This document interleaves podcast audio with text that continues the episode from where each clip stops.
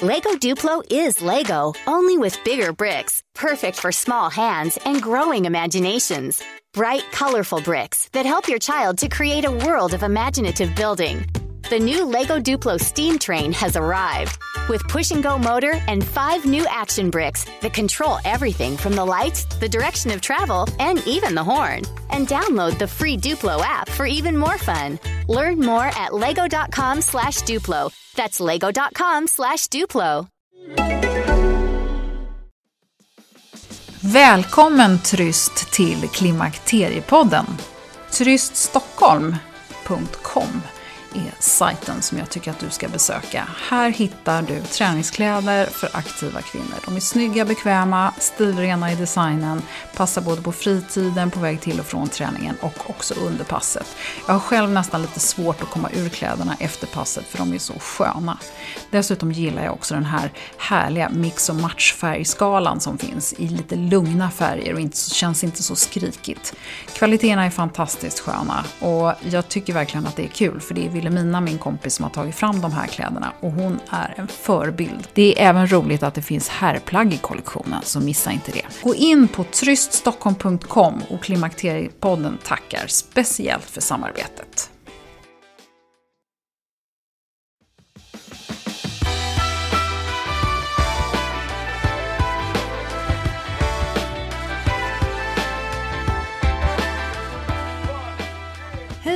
Och välkommen till Klimakteriepodden med mig, Åsa Melin. I det här avsnittet och nästa ska vi tala om sömn. Det här magiska som är en av de få saker som vi inte kan kontrollera. Vem som helst kan bestämma sig för att motionera mer, sluta äta godis eller vad det nu kan vara. Det är bara du själv som sätter hinder för om du verkligen genomför eller ej. Men sömn, oj. Tänk om man kunde kontrollera det genom att bara bestämma sig för att sova. Mer, mindre eller utan avbrott eller vad det nu kan vara som du längtar efter. Dålig sömn och störd sömn är de största problemen för kvinnor i övergångsåldern. Och ja, faktiskt för väldigt många människor genom hela livet. Jag har varit på Uppsala universitet och Uppsala Sleep Science Lab och träffat Frida Rångtell och Christian Benedikt, sömnforskare. De kan allt om sömn. Och det blev så mycket spännande information så jag var tvungen att ta det här i två steg för att inte klippa sönder samtalet och ta bort en massa spännande information. Så det här och nästa avsnitt dedikeras sömn. Och råkar du sova gott, ja då säger jag grattis. Men lovar att du kommer lära dig en hel del ändå. Så välkommen att lyssna!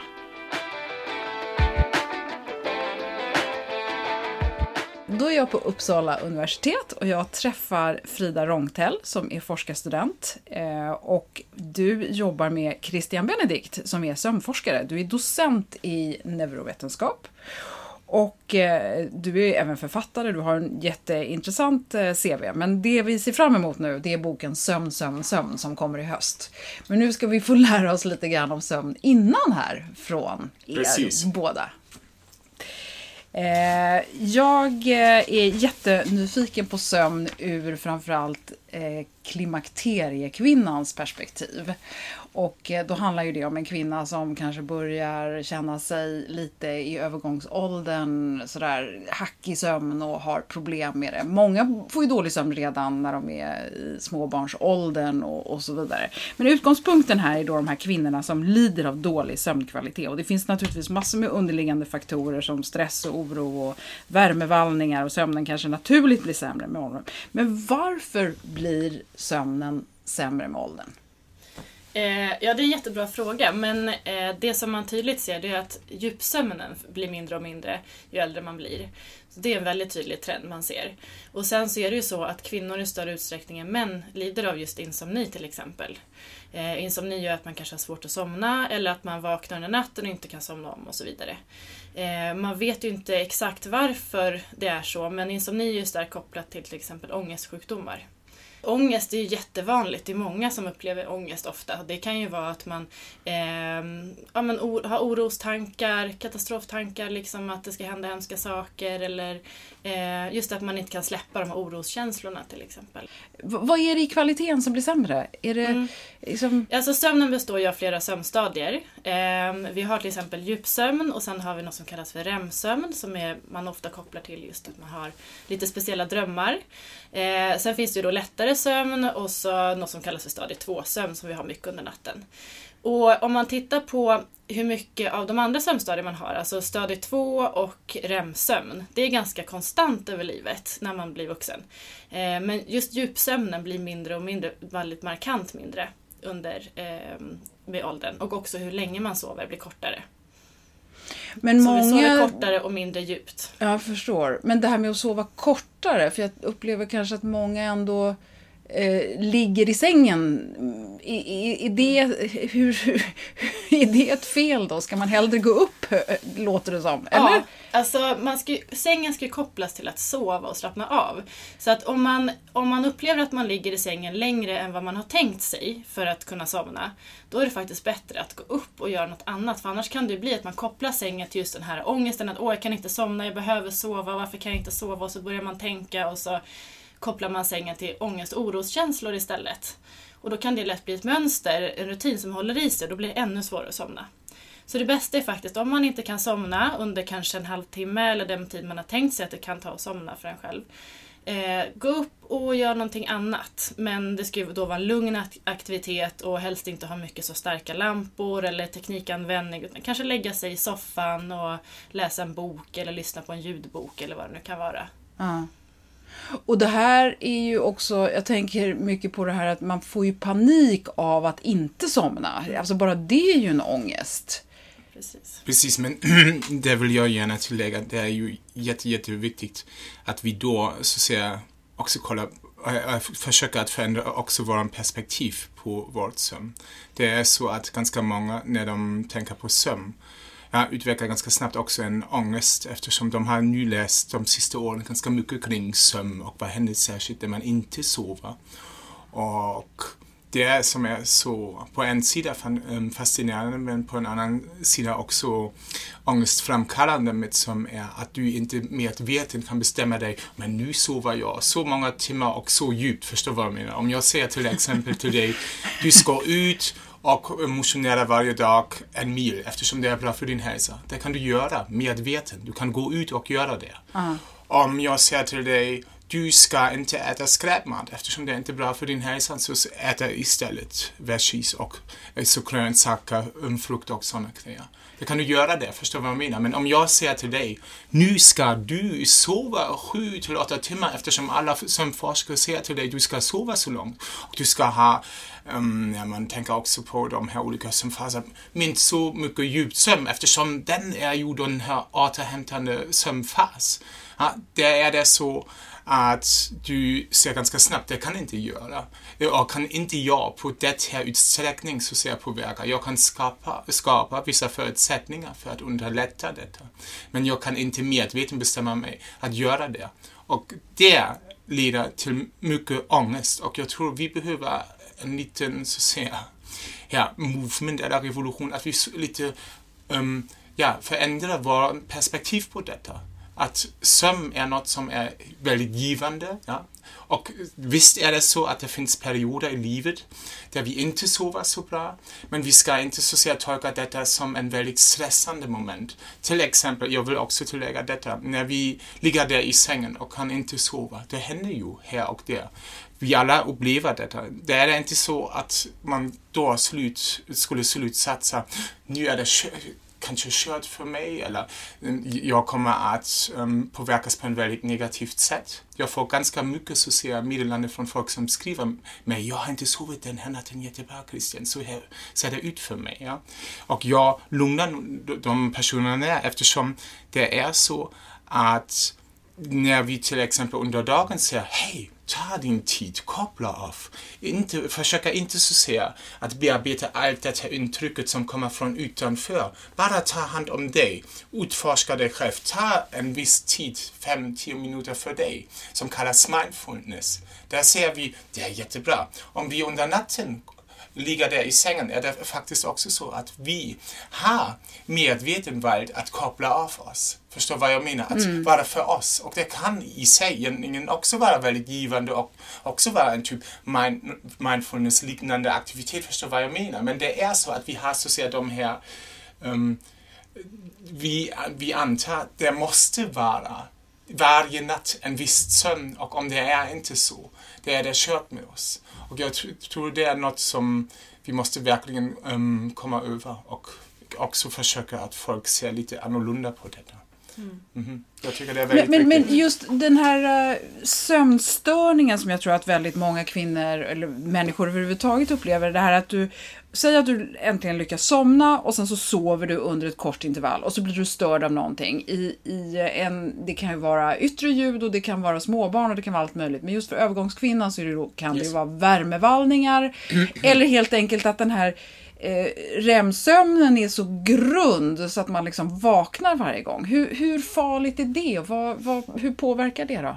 Alltså att vakna under natten är ju ingenting konstigt. Om man tittar på hur sömnen är sammansatt och hur den ser ut och hur den går i cykler så är det någonting som är naturligt.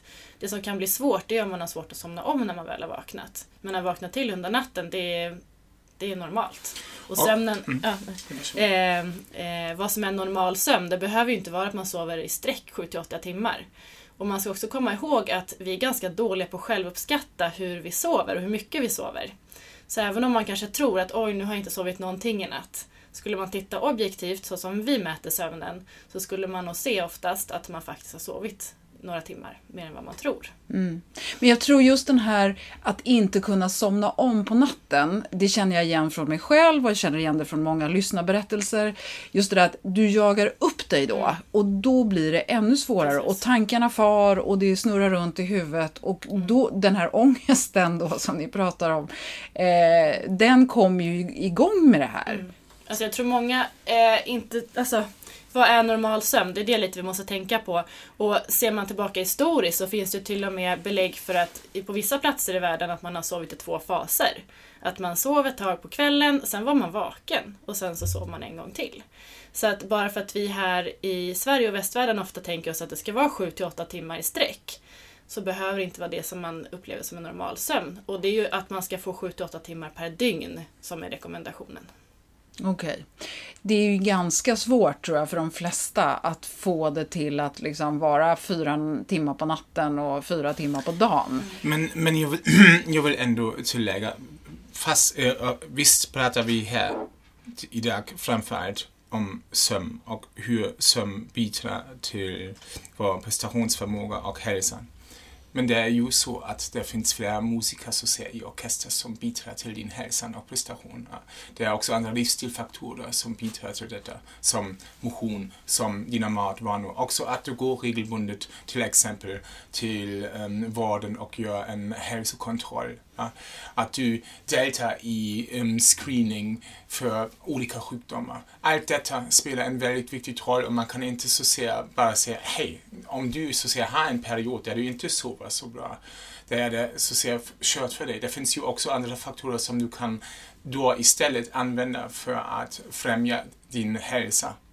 Så jag tror vi måste ha också en lite mer holistisk um, um, approach i det här sambandet. Man får inte bara prata om sömn. Vi är ju sömnforskare och jag definitivt tycker som sömn är väldigt viktigt. Men det som jag försöker också att säga är, vi får inte så att säga ha en så att säga, monolivsstil perspektiv. Det är många, många faktorer som bidrar till vår hälsa och prestation.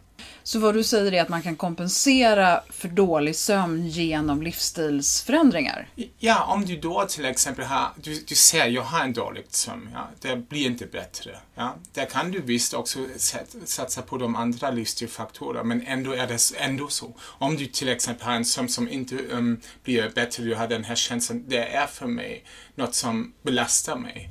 Det kan det vara också till exempel så att det är inte en, till exempel en eh, en sömnstörning som kallas primär insomni. Ja, som är så att säga en insomni som har inget som har så att säga orsakat detta. Ja. Alltså att ingenting har orsakat Nej, precis, det? Det finns olika former av insomni. Man har svårt att somna. Precis. Och en är primär insomni, så du har den här sömnstörningen i sig som en huvudsjukdom, men det finns också ganska oftast den här så kallad sekundär insomni, som är en insomni på grund av något bakomliggande sjukdom. Så om du då till exempel upplever, ja, jag kan inte sova alls, det är inte bra och det belastar dig, där kan man, som jag har sagt, gå också regelbundet till hälsokontroll. Kolla, finns det något till exempel med mitt blodtryck eller med mina läkemedel som jag använder som kan då påverka också min sömn. Förstår vad jag menar? Mm. Så sömnproblematik kan även vara en symptom av något bakomliggande tillstånd. Och vad skulle det kunna vara i vanliga bakomliggande faktorer då? Ja, men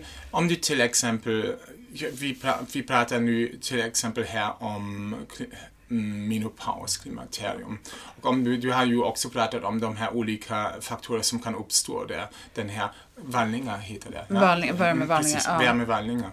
Och man vet att de, om du kollar på, vi pratar kanske också lite senare om dygnsrytmen, de uppstår ganska oftast också i natten.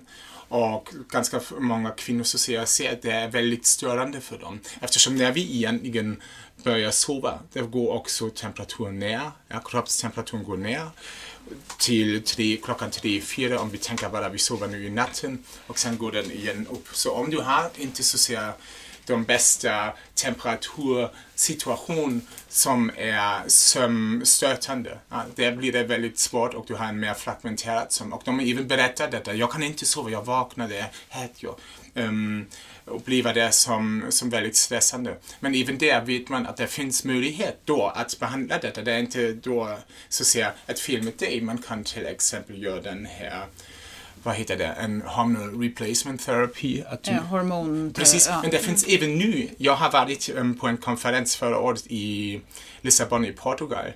Forskning från uh, London, från England, där de har använt um, läkemedel som motverkar något um, ämne i hjärnan som kallas nephrogenin som verkar bidra till den här värmevallningen.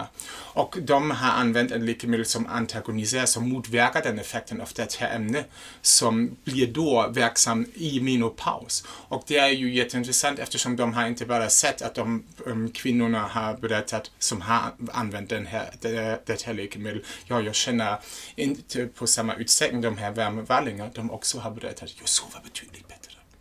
Så du ser, det finns möjligheter att göra något. Ja. Så, men, men, nu när vi är inne på läkemedel då. Det finns ju väldigt mycket annat som, eh, alltså sömn, yes. ren, rent sömnmedel. Är det inte någonting som, som ni rekommenderar i det här läget? Eller?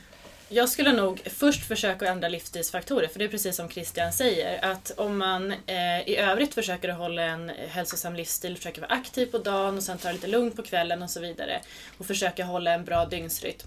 Eh, det kan ju påverka sömnen väldigt positivt och göra att vi sover bättre och har lättare att somna och så vidare. Så att försöka ändra sådana saker skulle jag ta, som första, eh, ta till som första grej. Men, och sen sådana här sömnmedel, alltså det som de kan göra det är ju att det blir lättare att somna och du sover kanske längre. Men de kan också störa sömnsammansättningen. Eh, och vissa kan göra att du får mindre djupsömn till exempel. Eh, och sen så kan du också få ett psykiskt beroende. Även om inte alla sömnmedel är fysiskt beroende, leder till fysiskt beroende eh, så kan ju alla leda till ett slags psykiskt beroende. Det vill säga att man känner att när jag tar den här tabletten, då kan jag somna. Tar jag inte tabletten kan jag inte somna. För att man kop hjärnan mm. kopplar liksom det här mm. att ta tabletten till att kunna somna. Mm. Och då, om man inte har tillgång till de tabletterna så kan det bli jättesvårt att somna just för att hjärnan har lärt sig det här. Eh, och det kan ju ta väldigt lång tid att bli av med om man väl har börjat ta tabletter. Lego Duplo is Lego, only with bigger bricks, perfect for small hands and growing imaginations. Bright, colorful bricks that help your child to create a world of imaginative building. The new LEGO Duplo steam train has arrived with push and go motor and five new action bricks that control everything from the lights, the direction of travel, and even the horn. And download the free Duplo app for even more fun. Learn more at lego.com slash Duplo. That's lego.com slash Duplo.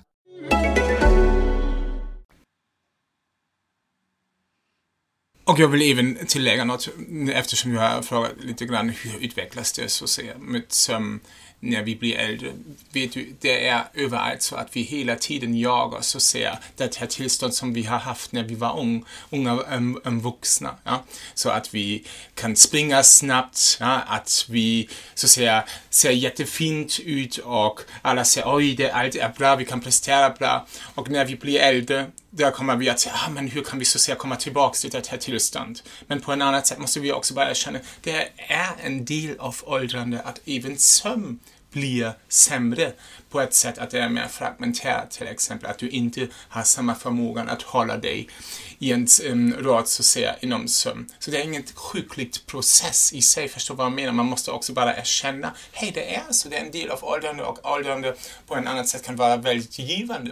Du har så, samlat så mycket erfarenhet, du har kanske också um, um, ja, fostrat upp barnen och, och, och du har något visst så se i din um, yrke och, och, och. Så allt detta är ju också väldigt givande, men jag har den här känslan när vi pratar om detta, att folk hela tiden jagar efter den här tillstånd som vi har haft när vi var väldigt ung. Förstår vad jag menar? Ja, fast jag tror mm. att många jagar eh, känslan i kroppen. Alltså när man har sovit skönt en natt och känner sig stark och pigg. Det är väl det man vill ha. Mm. Och många kvinnor män också för den delen, men nu fokuserar vi på kvinnor här. Eh, det är väl det man jagar, att man inte försöker vara som 20. Det är väl skönt mm. att man slipper sova till 12 på dagarna. men, men, men, men alltså, jag ja. tror att den här känslan av att man känner sig dränerad och trött, jag tror att det är någonting som, som många du, du, tycker är besvärligt. Som vi, som vi har sagt, det finns, och Frida har också nämnt detta, det finns, förutsätt, det finns förutsättningar att du så att säga um, skapa um, villkor att din sömn kan bli bättre. Men det ändå är begränsat så att säga i sin potential. Förstår vad jag menar? Det är det som jag menar. Så du kommer inte att ha det att du plötsligt har samma så att säga sömnkvalitet, alla de här olika aspekter av sömn som bidrar också till de här hälsofrämjande effekter av sömn eller prestationsstöttande effekter av sömn.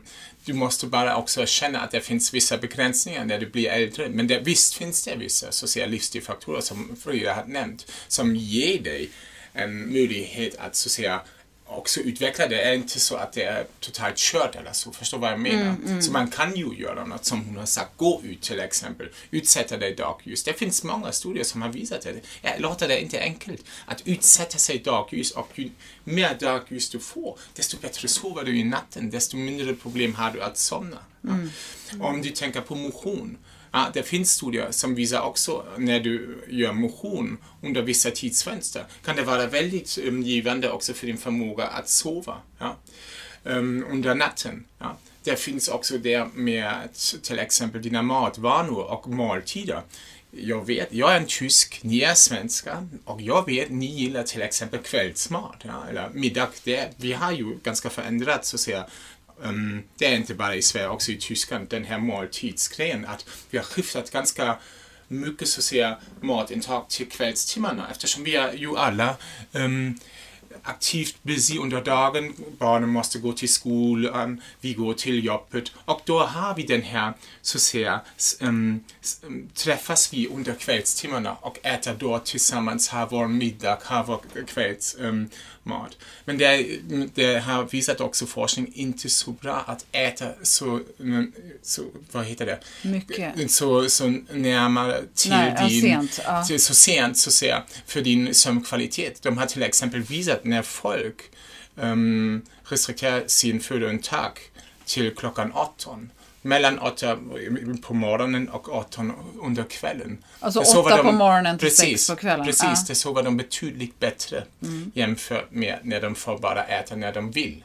Så du ser, även matvanor kan spela en väldigt stor roll för detta. Mm. Det finns ju också förklaring varför är det så. Vi kan, om du vill, också prata lite grann mer om detta, varför det är så. Ja, absolut. Men du, du ser, det finns så att säga, många möjligheter att skapa förutsättningar att sova bättre. Mm. Och som du har också sagt, sovmiljö. Ja? Om man tänker på en so, äh, din sovrum. Om man ganska ofta går ner till sovrummet, där finns en TV, det finns så mycket så säga, som kan vara um, störande, för störande för sömn kan vara en typ um, tecken för hjärnan som, som hjärnan tolkas, aha, det är den här området där jag aktiverar mig, förstår vad jag menar? Där jag inte kommer ner, kan inte vara ner, där jag tänker mycket på problem. Där jag tänker på jobb och, och, och. Och allt sånt ska du inte göra, du ska försöka koppla av detta. Det, finns till exempel forskning med att temperatur i sovrummet. Med så enkla knep som, hej, om du öppnar lite, om, det, om du kan göra det eftersom du inte sover mot gatan, öppna lite fönstret, har du en bättre luftcirkulation. Folk sover betydligt bättre om de har en bättre luftcirkulation. Eller om de, även om de inte öppnar fönstret, till, um, um, fönstret men bara öppnar så säga dörren till hela um, lägenhet har du också en bättre cirkulation. De sover bättre. Det finns forskning som har visat detta. Mm. Så du ser, det finns otroligt det finns enkla en, knep. Det finns en mängd saker. Dagsljus på rätt timmar mm. på dygnet, mm. motion, inte äta för sent. Eh, koffein eh, är väl kanske också värt att nämna att man ska undvika, eller? Alltså undvika behöver man inte göra, men man kan in, tänka på när man gör saker och ting. För det är det som är det viktiga här, att alltså fysisk aktivitet, matvanor, ljus, allt det här är bra, men när det tajmas rätt. Så om du till exempel tycker om att dricka kaffe, men då kan man göra det kanske innan lunch, eller i alla fall innan eh, klockan två eller någonting. Så att man försöker göra det tidigt under dagen. Men gör man det sen senare på kvällen eller på eftermiddagen, då kan det störa sömnen. Och det vill jag tillägga, det, det som Frida säger är att visa dig att sömn är en dygnet runt grej som du måste förbereda. Så när du vaknar börjar du förbereda din. Nej men det är ju liksom, alltså allting hänger ihop. Det är ju en livsstil på ett sätt. Att man ska tänka på dygnsrytm. Idag så lever vi på ett helt annat sätt än vad vi gjorde förut när vi kanske inte hade el och internet och allt det där.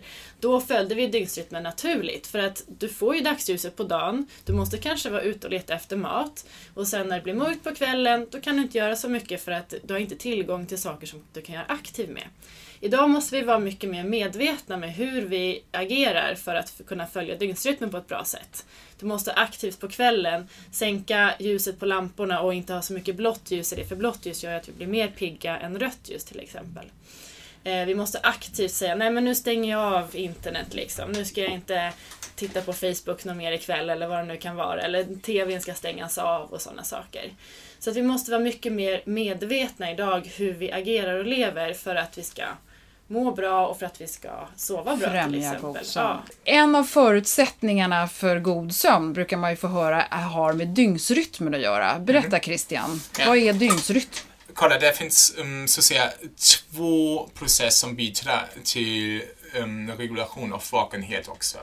En um, kallas på engelska the homeostatic sleep pressure, som betyder ingenting annat att ju längre du är vaken, desto tröttare känner du dig. Så det det är så att man vet att något ämne så säga, produceras när du förbrukar energi i hjärnan och när du har nått en viss nivå kommer den, den ämne att ha så en stark signal att den berättar så att säga en del av hjärnan som är viktigt för sömnvakande regulation, det är dags att sova.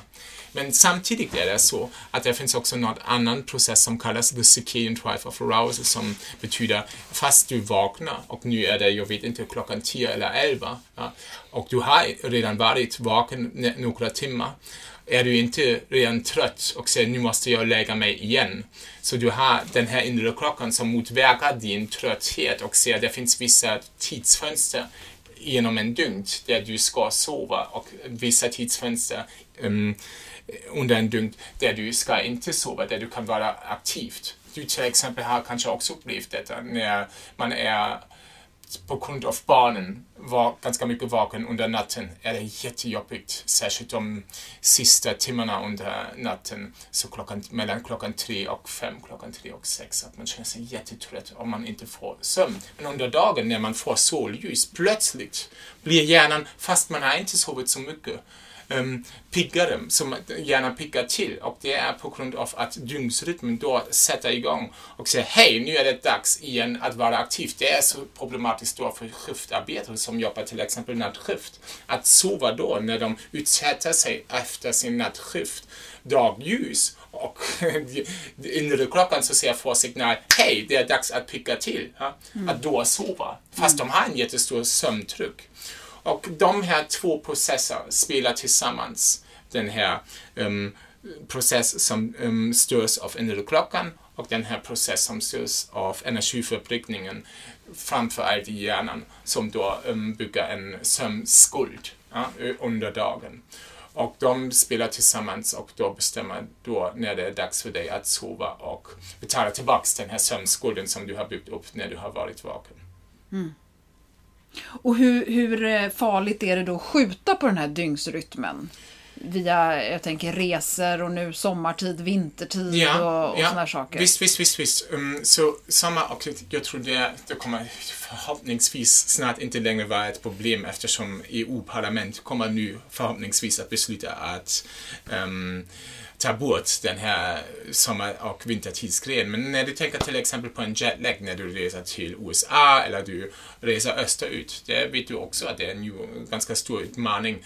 Inte så mycket för hjärnan eftersom hjärnan är, hjärnans klockan är väldigt, eller klockor är väldigt ljuskänsligt. Och du då utsätter dig så ser den här nya ljusvillkor där du reser till till exempel när du reser till New York, då kommer hjärnan att tolka det ganska snabbt. Men de här klockorna i de olika organ i kroppen, de behöver betydligt mer tid så att säga att anpassa sig den um, dygnsrytmen som finns till exempel i New York jämfört med Stockholm. Mm. Och det tar vissa dagar för kroppen att komma ikapp och att alla så att säga klockor om du, i kroppen, om du tänker det är som musiker, kommer ikapp och spelar igen harmoniskt. Mm. Och man känner också det när man till exempel reser till New York, att den kroppen har den här trötthet ja? mm. Mm. och att det tar ganska mycket tid.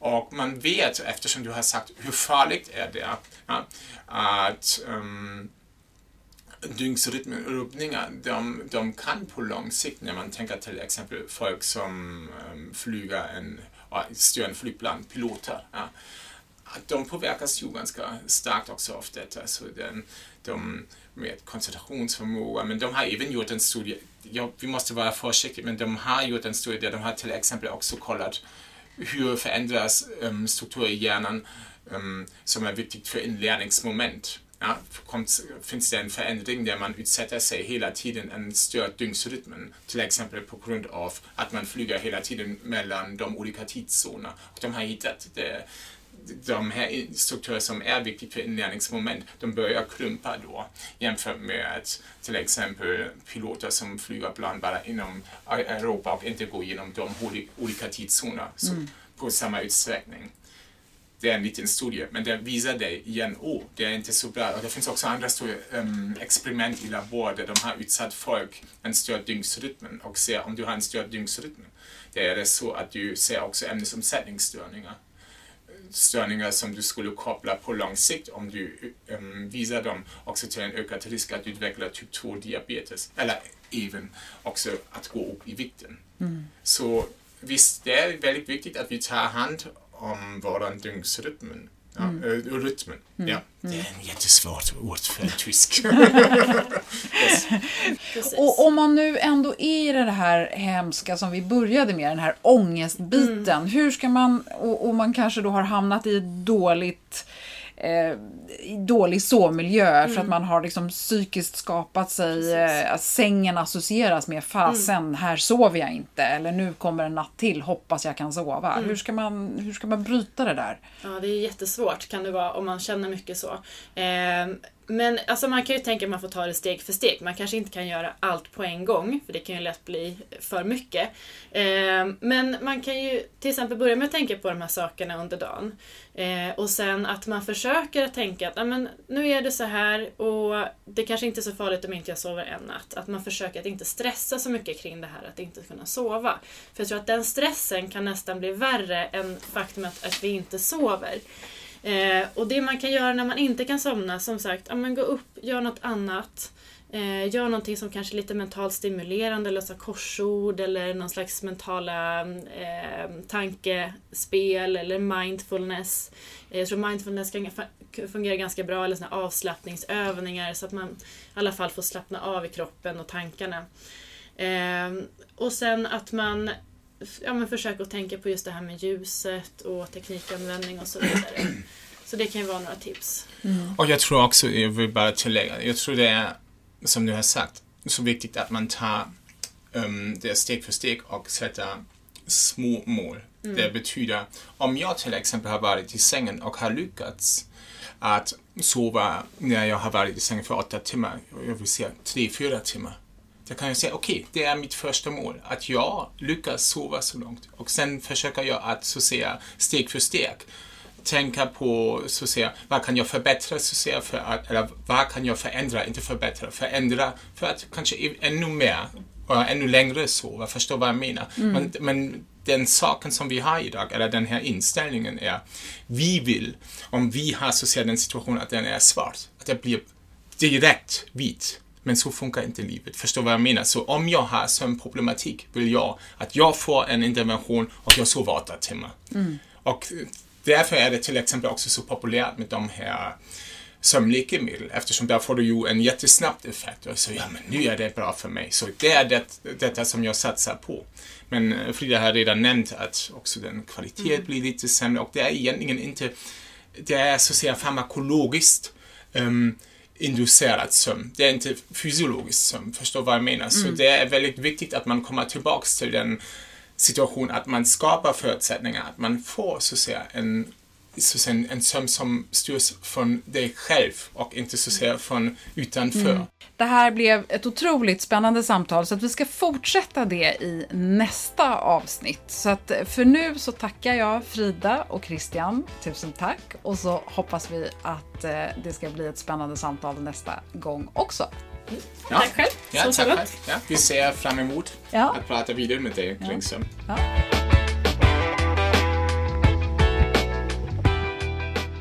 Som jag sa i början av avsnittet så fortsätter vi det här samtalet i nästa avsnitt, så jag hoppas att du är sugen på mer.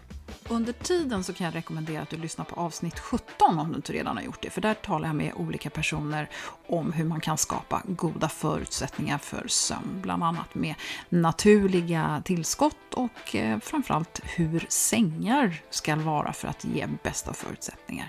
Så tack för att du har varit med och lyssnat idag. Följ gärna Klimakteriepodden på Facebook och Instagram och gå in på hemsidan klimakteriepodden.se där du hittar en bild på Christian och Frida. Och så kan du hitta till deras Facebook-sida, Uppsala Sleep Science Lab, och komma i kontakt med mig. Och glöm inte att dela med dig till de du känner som kan vara intresserade av poddens innehåll. Tusen tack för att du har lyssnat och hoppas du är tillbaka snart igen. Hej då!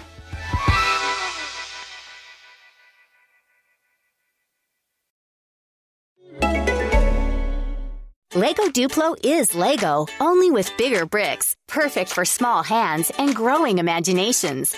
Bright, colorful bricks that help your child to create a world of imaginative building. The new Lego Duplo steam train has arrived with push and go motor and five new action bricks that control everything from the lights, the direction of travel, and even the horn. And download the free Duplo app for even more fun. Learn more at lego.com slash Duplo. That's lego.com slash Duplo.